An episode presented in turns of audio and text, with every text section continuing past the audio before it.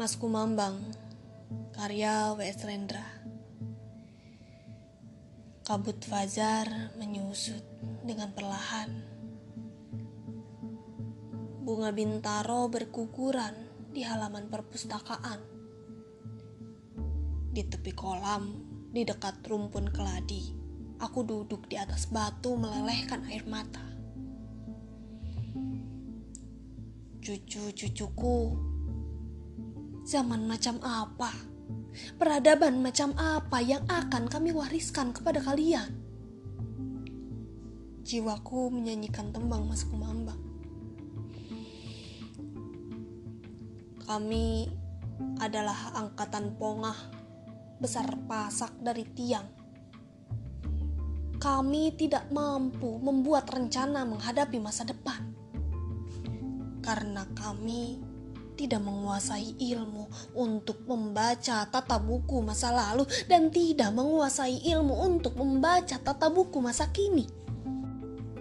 Maka rencana masa depan hanyalah spekulasi keinginan dan angan-angan. Cucu-cucuku, negara terlanda gelombang zaman edan Cita-cita kebajikan terhempas waktu, lesu di pangku batu. Tetapi aku keras bertahan, mendekap akal sehat dan suara jiwa biarpun tercampak di selokan zaman. Bangsa kita kini seperti dadu, terperangkap di dalam kaleng utang yang dikocok-kocok oleh bangsa adik kuasa tanpa kita berdaya melawannya. Semuanya terjadi atas nama pembangunan yang mencontoh tatanan pembangunan di zaman penjajahan. Tatanan kenegaraan dan tatanan hukum juga mencontoh tatanan penjajahan. Menyebabkan rakyat dan hukum hadir tanpa kedaulatan. Yang sah berdaulat hanyalah pemerintah dan partai politik. Oh, comberan peradaban Oh martabat bangsa yang kini compang-camping. Negara gaduh, bangsa rapuh, kekuasaan kekerasan merajalela.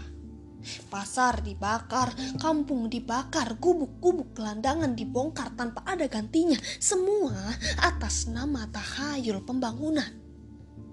Restoran dibakar, toko dibakar, gereja dibakar atas nama semangat agama yang berkobar Apabila agama menjadi lencana politik, maka erosi agama pasti terjadi.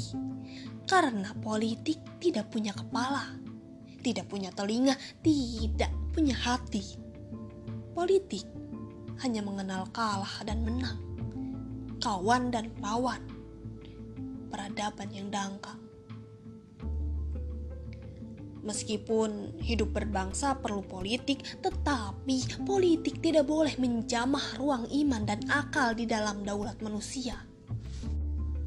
Namun, daulat manusia dalam kewajaran hidup bersama di dunia harus menjaga daulat hukum alam, daulat hukum masyarakat, dan daulat hukum akal sehat.